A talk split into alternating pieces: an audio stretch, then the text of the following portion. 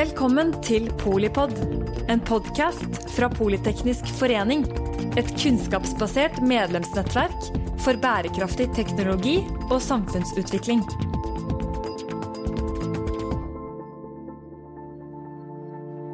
Da har vi kommet til del to av Samvirkefrokosten, fortsatt i samarbeid med Politeknisk forening. Temaet er 'Hvem skal eie Norge?' Det er jeg som leder debatten. Jonny Log, jeg er daglig leder i Samvirkene. Vi står midt i et digitalt skift ledet av amerikanske og kinesiske plattformselskaper. Teknologiselskapene i USA er nå mer verdt enn alle, børs, eh, alle selskapene på børs i Europa. Bare de kinesiske selskapene vokser like raskt eller raskere. Samtidig står vi midt i en global pandemi og en stor nedstengning. Hvordan skal det gå med norsk varehandel? Varmt velkommen til næringspolitisk talsmann i Arbeiderpartiet, Terje Aasland. Administrerende direktør i Virke, Ivar Hornland Christensen. Og konsernsjef i Coop, Geir Inge Stokke. Er eierskap et viktig tema, og i tilfelle hvorfor? Eierskap er absolutt viktig. Det handler om på mange områder kontroll over ressursene våre. Vi har si, en god organisering av samfunnet i Norge. Det handler om olje- og gassverdikjeden f.eks. Det handler om vannkrafta vår. Men det handler også om et viktig eierskap knytta til, til, viktige verdikjeder som mat, matproduksjon, næringsmiddelindustri. Men også det private eierskapet er jo usedvanlig viktig i den forstand at det, det gagner oss, det gir overskudd, det gir fortjeneste, gir muligheter for nyinvesteringer osv. Så, videre. så eierskap, ja, det er kjempeviktig. Og vi vektlegger det mye i politikken, etter min mening. Ivar? Jeg vil vel si at eierskap har vært viktig, er viktig og kommer til å være viktig. Så jeg er jo helt enig med Aasland her. Det som jeg tror er spesielt i den tiden vi står i nå, det er jo at de 100 siste årene så har jo Norge gått fra egentlig å være da et av de dårligst stilte landene til kanskje å bli det, det best stilte landet i Europa. Men det vi står foran nå, er jo en kraftig omstilling. Eh, og vi har behov for å skape nye arbeidsplasser. Så sånn sett så blir jo eierskapet viktig. For eierskapet er jo med som en viktig faktor i at vi både klarer å omstille, at vi har ankerkapital der vi må ha det for å kunne beholde både arbeidsplasser i Norge, men også kunne utvikle arbeidsplasser fra Norge og ut i verden. Vi er en liten, åpen økonomi.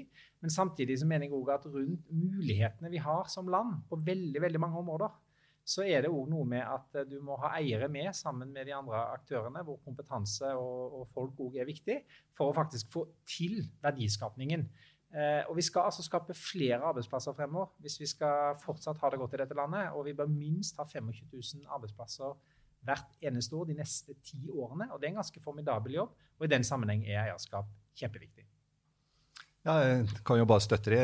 Eierskap er viktig, og jeg tror jo at norsk eierskap også er ekstremt viktig. Og det er klart at jeg tror norske, Hvis du har norsk eierskap, så da satser du mer på norske leverandører, du satser mer på norske arbeidsplasser, du satser mer på norske varer osv. Så, så det er helt klart viktig.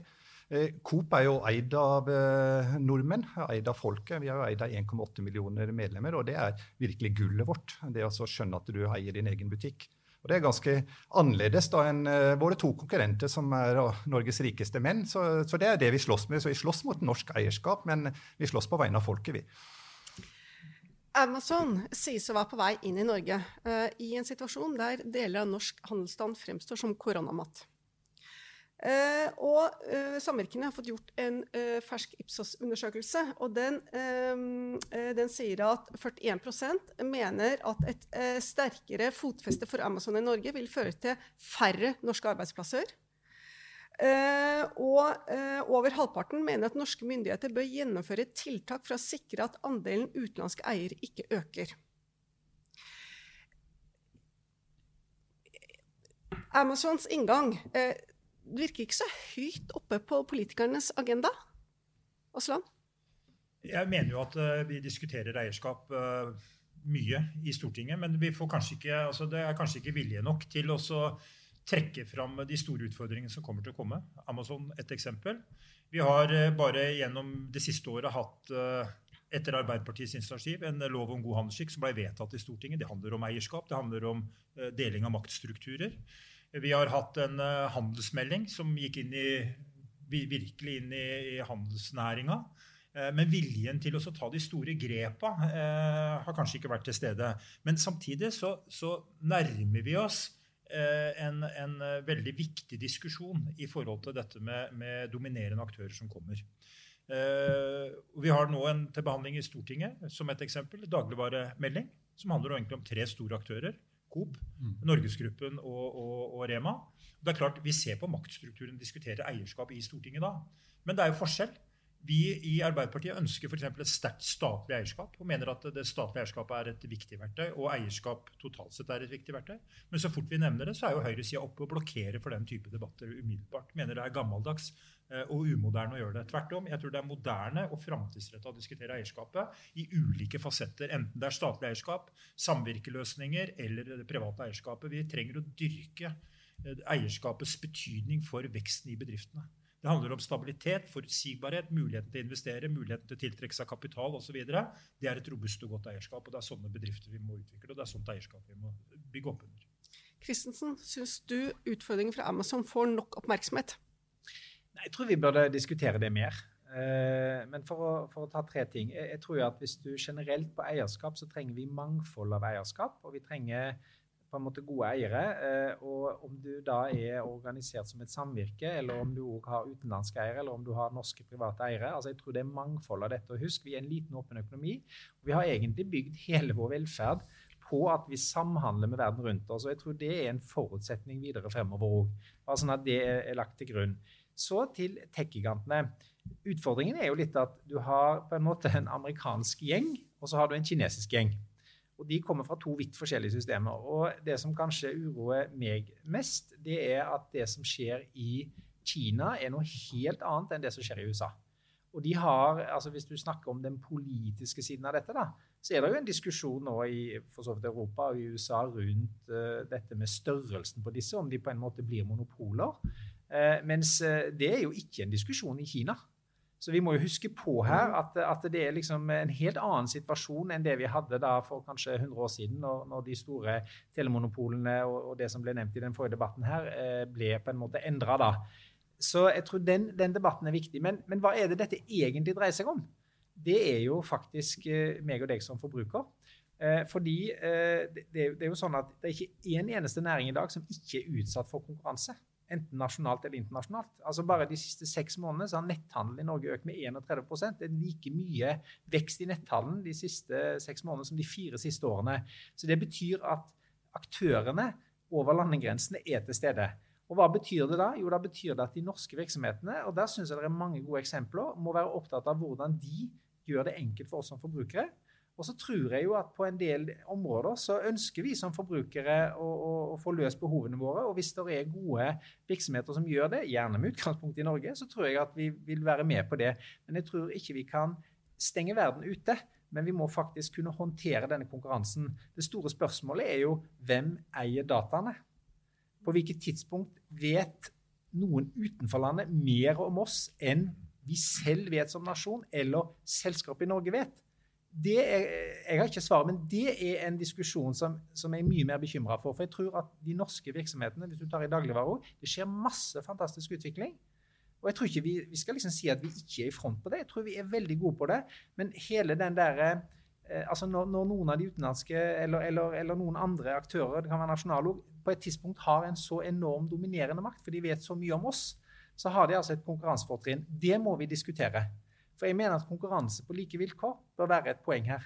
For det er jo det vi vil ha. Vi vil ha konkurranse på like vilkår. Da tror jeg vi får de beste løsningene. Da tror jeg vi får den beste utviklingen. Men det er et stort spørsmål.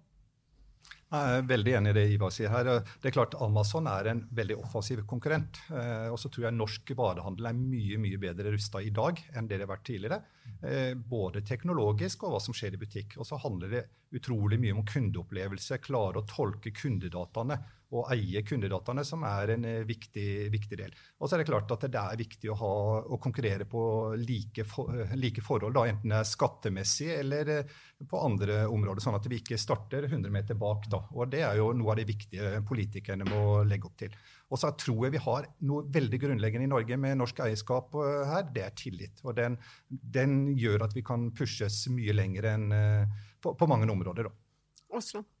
Jeg har bare lyst til å ta tak i det som uh, blir tatt opp her, det her med lik konkurranse. Det er vesentlig at vi får diskutert. Og vi ser hvordan vi sliter med konkurransediskusjonen uh, i det politiske når vi snakker om f.eks. Uh, eh, matkjedemakt og dagligvarene. Uh, men det er overført i den betydningen her med netthandel osv., når det kommer en stor aktør, eller et par store aktører, som sitter med kontroll på data, sitter med kontroll på, på si, mengde og logistikken i bånn, så er det klart at det er krevende. Jeg tror vi har gode eh, leverandører, gode, gode eh, gründere, gode tanker og gode muligheter fra norsk side. Men det er viktig at vi diskuterer hvordan vi skal lage en rettferdig konkurranseplattform i en ny handelssituasjon. Og det, tror jeg, det har vi ikke vært gode nok til. Men det er en mm. utfordring vi absolutt bør ta. Eh, og da bør også eh, de sterke miljøene, eh, interesseorganisasjonene, aktørene, bidra til at vi får en god og konstruktiv diskusjon rundt det. Og det tror jeg er en sånn viktig debatt å ta i den sammenhengen. Hvis jeg får lov å trekke ned perspektiv rundt dette med data. Jeg var da over i USA her uh, før korona uh, og var på en internasjonal uh, samling der borte hvor man diskuterte dette. og Da, da fikk jeg et veldig sånn, klart inntrykk av at man ser verden litt sånn tredelt. Man har på en måte det som er USA, som er ofte nær oss, med de tech-gigantene som er der. Så har man Kina, som man er veldig nysgjerrig på, hvor det er en rivende utvikling, og hvor det går ekstremt fort. Så alle de store merkene der borte og tester alle de mulige digitale løsningene.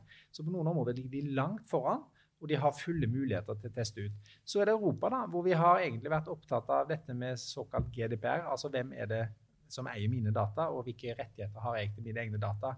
Og Der syns jeg det var interessant å høre at noen av de, de store merkene fulgte den diskusjonen litt i USA. For hvis du sitter da og har et, et, et globalt merke sant, som er til stede i alle, alle land, så, så, lurer du jo litt på hva er det du skal tilpasse deg til. Og da opplevde iallfall jeg at den diskusjonen vi har hatt i Europa her, er på en måte interessant. fordi jeg tror noen av de store òg ser at på et tidspunkt iallfall innerst inne, så, så, går jo ikke dette. Så det har noe med at hvis vi kan få til regulering som gjør at vi får konkurranse på like vilkår, Sant? Hvem er det som eier dataene dine?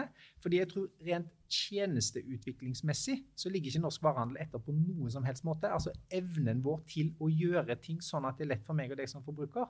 Men det det går på her, er jo det store slaget, da, kan man si, mellom kanskje da Europa, USA eh, og, og, Kina.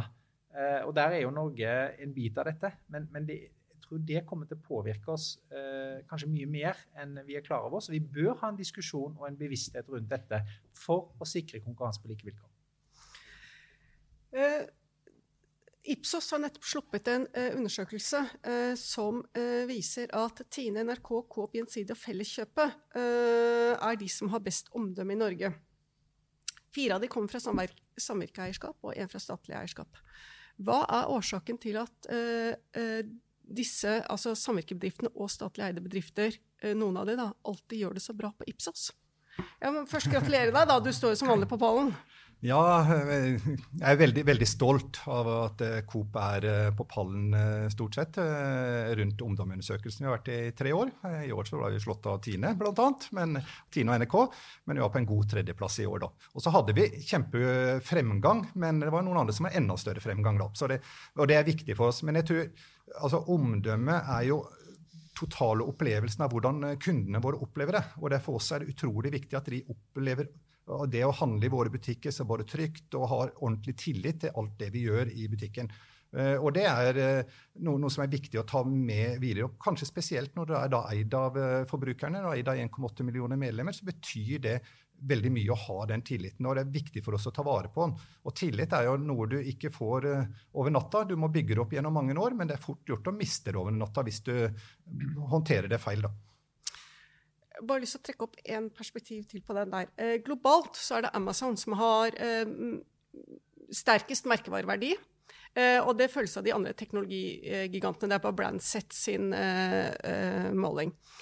Disse gigantene øker i merkevareverdi selv om de har møtt i amerikanske kongressen og svart på anklager om eh, dårlige eh, vilkår for de ansatte, utpressing av konkurrenter, påvirkning av valg. Eh, Facebook tvitrer disse her. Jeg kan ikke se for meg at en norsk eh, bedrift eh, ville møtt i Stortinget og svart på den type anklager, også økt i omdømme. Hva, hva, hva er liksom driverne her? Virkesjefen. Eh, nei, for det første så vil jeg jo si at de, de virksomhetene som gjør det godt i omdømmet, jeg tror, jeg tror, det er en viktig sak sammen. For det er noe hvordan kundene opplever at du leverer i hverdagen. Nå sitter vi jo her og diskuterer egentlig de store tingene, men jeg tror hver og en av oss som forbruker opplever jo at det skal være enkelt for oss, at vi skal få det vi skal ha, og at vi får møtt behovene våre. Så jeg tror jo, For de bedriftene som er opptatt av å være gode på det, så tror jeg det er viktig. Det, det du peker på her, er kjempeinteressant. Eh, nå er det jo en diskusjon i USA rundt og nå, nå, tar man av Twitter-meldinger som man mener ikke er riktig. Altså, gå tilbake nå, Det var jo overhodet ikke mm. aktuelt. Man, man, anså at plattformene skulle være frie på den måten at hvem som helst kunne gjøre hva som helst. Men ekkokamrene her ble ganske kraftige, og algoritmen forsterker det. Så dette er jo liksom en, det, det, det, dette er jo egentlig litt sånn demokratidiskusjon òg. Uh, og så er det jo den markedsmakten. Jeg kan jo si at Gjennom krisen nå så har jo de store Altså hvis, hvis, en del av de tech-selskapene som har slitt i krisen, så har de store bare støvsugd inn de beste hodene, mm. Mm. og de store har blitt større i krisen. Mm. Det er heller ikke noe nytt fenomen. Det har skjedd før òg. Så det er noe her som gjør at, eh, at denne maktdiskusjonen, da, og hvordan de skal forvalte den posisjonen de har Og der er det jo en diskusjon nå i USA.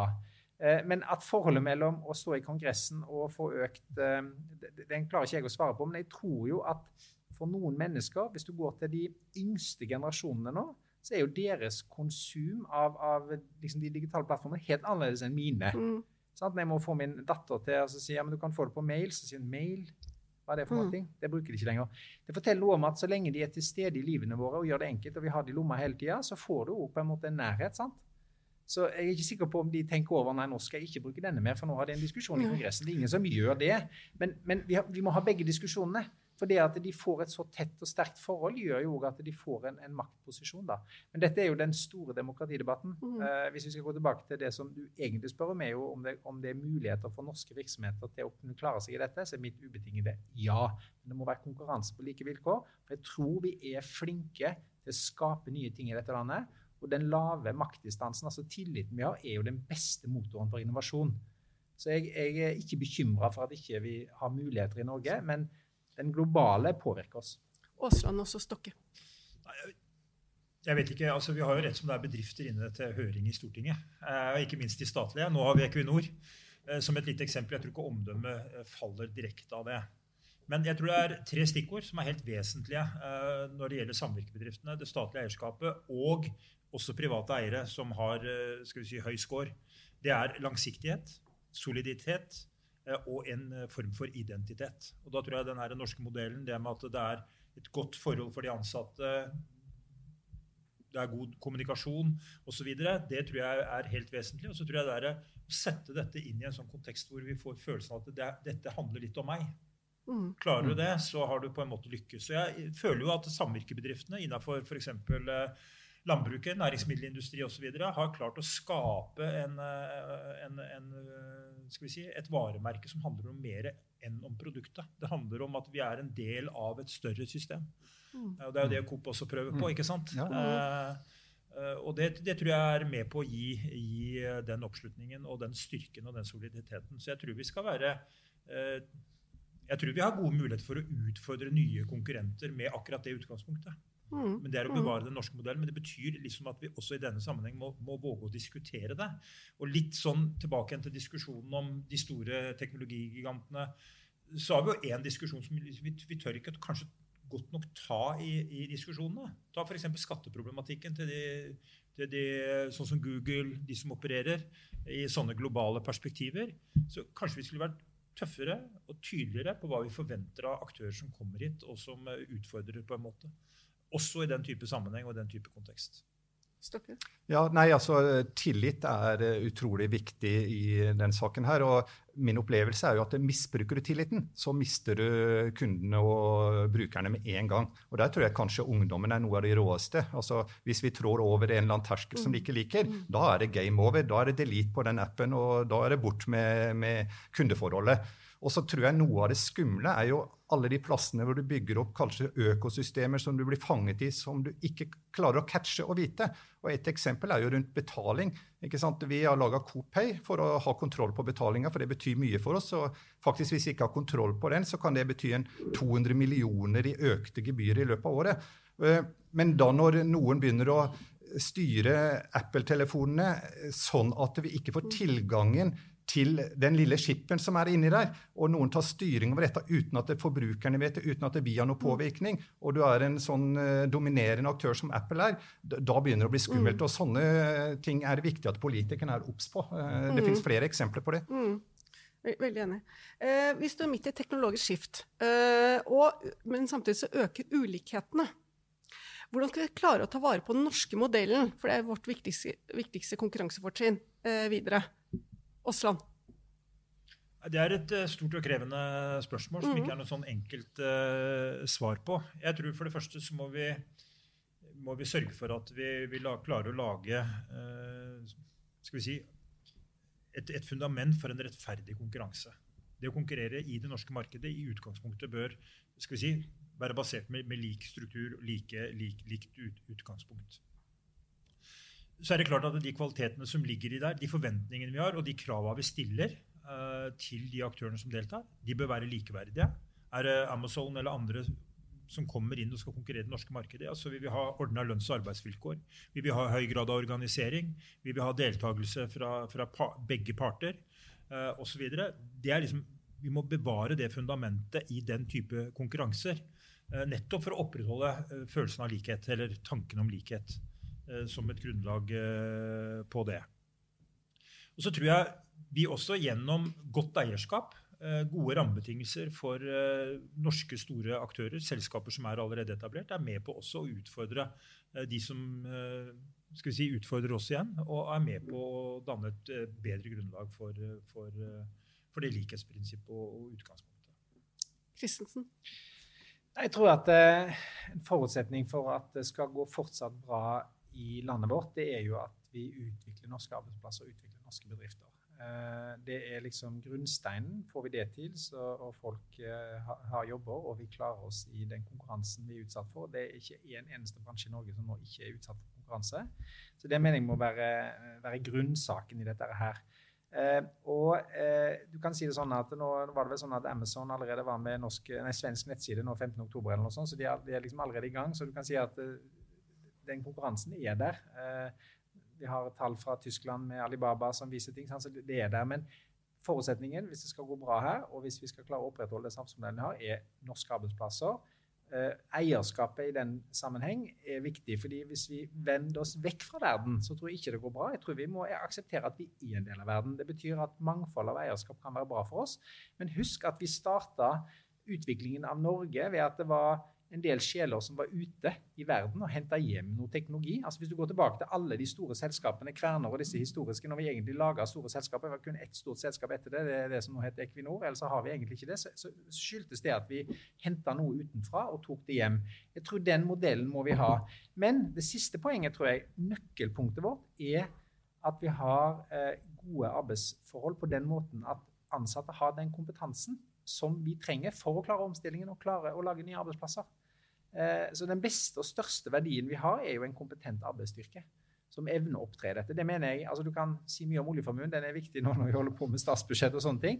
Men hvis vi forvalter den humane formuen riktig og klarer det godt nok, enten gjennom bedriften, gjennom et godt utdannings- og forskningssystem, men helheten i det, det er den beste medisinen for at vi skal klare oss eh, bra fremover. Det er nøkkelen vår. Og husk, vi er nødt til å skape flere arbeidsplasser hvis vi skal opprettholde skatteinntektene.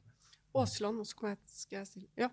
Bare sånn, I forlengelsen av det Ivar snakker om nå, så syns jeg det her med, som var oppe i forrige tema, altså det her med oppskalering og vekst, legge til rette for det, det må vi bli mye flinkere til. Og Vi har altså, vi ligger på bånn i OECD når det gjelder eh, det å eksport, eh, skal vi si, hjelpe bedriftene på, på eksport. Utrolig dårlig. og Skal vi møte konkurransen internasjonalt, så må vi også konkurrere internasjonalt. Det tror jeg er et viktig utgangspunkt. og Da må vi forbedre oss der. Vi har det har vært unnfallenhet. Vi har hatt syv tapte år i utgangspunkt når det gjelder eksport. Vi har lent oss på olje- og gassindustrien som den store motoren i norsk økonomi og har vært trygge på det. Nå gjelder det å skape flere muligheter. Legge til rette for at flere bedrifter kan oppskalere. Sørge for at den får en fornuftig vekst og kan gå internasjonalt. Det er med på også å styrke konkurransen når utenlandske aktører kommer til Norge. At vi har et, et internasjonalt retta eh, næringsliv i større grad enn det vi har i dag. Og Det gjelder også eierskapet, selvfølgelig, som da vil få kompetanse i tilknytning til, til det. Men det er en, tror jeg er en vesentlig poeng. Stokke, du er sjef for en av de største samvirkebedriftene i Norge. Føler du en særskilt ansvar for å, for å bidra til den norske modellen? Ja, helt klart. Eh, nasjonalt eierskap er eh, viktig. Eh, og det er klart at Coop skal være en motor i en sånn utvikling. Og så er det litt sånn, litt sånn Terje og Ivar sier her. altså det som Altså, hvis en tenker på hvis han eide, da, grunnleggeren av Hydro Hvis han hadde vært gründer i dag, når hadde han blitt kjøpt opp? Og når hadde det blitt tatt mm. opp av en eller annen utenlandskapital eller equity-fond? Eh, det, det, er iallfall noe å reflektere over. Og jeg tror jo det å ha Coop som en samvirkemodell og eid av 1,8 millioner eh, medlemmer og kunder i Norge, det er en viktig motor for å ta vare på noe av det nasjonale eierskapet. Og, er viktig også for uh, den norske forbrukeren. Og jeg tror også det er viktig for politikerne å passe på konkurransesituasjonen i også til og med dagligvarehandelen. Kristensen, også Aasland. Jeg har bare lyst, lyst, til å slå et slag for, for uh, Når vi er inne i den politiske debatten, så er det veldig ofte at vi diskuterer olje og gass. og det er, det er fint, og vi diskuterer de nye teknologieventyrene. Men jeg vil bare nevne at varehandelen i Norge er 13% av økonomien. Liksom bare, jeg, jeg bare lyst til å minne, Og så kan du ta liksom hele kjeden rundt det. Det er ganske mange arbeidsplasser. altså, og det er nå har vi heia på dem for de har stått i front i korona, men vi må faktisk heie på den verdiskapningen. Og det er ingen her som ligger på latsiden. De jobber beinhardt for faktisk å omstille og tilpasse det som kommer. Så det er sagt. Men det jeg har lyst til å nevne her, som, som Aasland er inne på, det er den skaleringsbiten. fordi rundt disse etablerte på en måte, verdikjedene vi har i dag, så skjer det veldig mange ting. Eh, Geir Inge var inne på dette med at man ser på betalingsløsninger. altså Det er masse innovasjon rundt dette. Så det er altså, hva skal man si, eh, retail-tech, da, hvis jeg kan bruke det begrepet, som kommer rundt dette her. Så, så det har store effekter. Og jeg, jeg, tror jo vi skal være mer opptatt av at vi kan se muligheter til å eksportere noe av de gode løsningene vi har. Mm. Altså at Hvis vi gjør ting som er bra her, nå hørte vi i dag Kreutzer i stad at det norske finanssystemet liksom får sånn topp, topp ute. Ja, jeg tror det er andre områder hvor vi kan få pluss, som kan være eksportmuligheter. Som ikke er olje og gass, men som faktisk er knytta på næringer som er faktisk over hele landet, i hver eneste bygd og by. Oslo. Ja, Det Ivar sier der, er helt opplagt. Altså at Vi har flere muligheter enn olje og gass. Vi har eh, mange sterke næringsstrukturer som vi kan utnytte bedre og jeg tror oppskalere og få, få, vekst i. Og som kan gå internasjonalt. Men da må, vi være, altså da må myndighetene også legge til rette for at de skal kunne gå internasjonalt. Mm. Vi må være der eh, som en fasilitator av det. Om, det er, om vi kan gå inn med litt statlig eierskap eller legge til rette for eh, risikoavlastning i, i, forbindelse med vekst og oppskalering, eller om det er bedre eksportvirkemidler som trengs, ja, så må vi legge til rette for at den muligheten som dukker opp, om det er finansnæring eller annen del av handelsnæringa, eller deler av handelsnæringa som kan gå internasjonalt eller vinne noen markedsandeler der ute, ja, så må vi legge til rette for det. Og det har vi vært altfor dårlig. Og vi har fått en diskusjon nå opp heldigvis i løpet av høsten som går nettopp på hvordan vi i større grad skal legge til rette for det. Og det er ganske vesentlig at vi lykkes. Og da må vi virkelig kraftanstrenge oss for å klare å få det til. Og det må mer på plass enn det som eh, så langt ligger der. Vi må snart gå ned for landing. Men Aasland, om du finner fram penn og papir.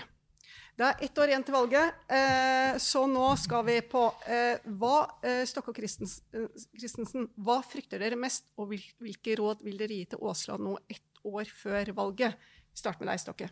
Jeg sørger for rettferdige konkurransemodeller, sånn at vi konkurrerer på like vilkår. Og det gjelder jo da både i forhold til skatter, avgifter, men også i forhold til tilgang på teknologi. Sånn at vi f.eks. ikke blir låst ute på noen plattformer. Christensen? Jeg vil jo bygge på eh, to ting. Det er eh, at bærekraft og sirkulær økonomi og egentlig den omstillingen av samfunnet som ligger der, der ligger det muligheter for arbeidsplasser. Det kunne jeg godt tenke, tenke meg at var en del av det politiske ordskiftet. hvordan vi kunne få det til. For jeg, for jeg mener at ja, det, det, vil bli vondt for noen, men det er muligheter for arbeidsplasser. Uh, så det vil jeg kanskje legge frem som, som det aller viktigste. Og så vil jeg, håper jeg at politikerne heier på hele norsk næringsliv.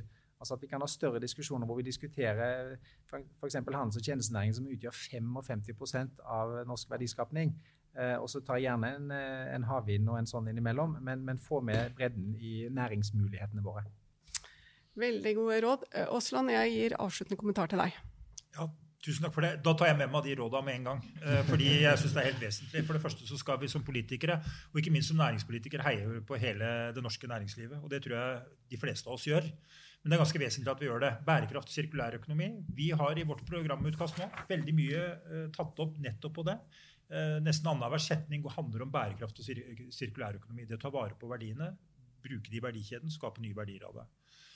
Rettferdige konkurransemodeller det har jeg lyst til å diskutere videre, for der er vi ikke ferdige. Altså, vi har så vidt starta. Og jeg kan si at jeg, kanskje jeg var en av de som starta det med lov om god handelsskikk i 2012. Nå får vi loven fra 1.1.2021. Mange år etterpå. Så det å lage rettferdige konkurransemodeller i en helt ny handelsverden, det er viktig. Og da er det viktig at bransjen og aktørene deltar og gir oss som er politikere, et godt grunnlag for å fatte riktige beslutninger.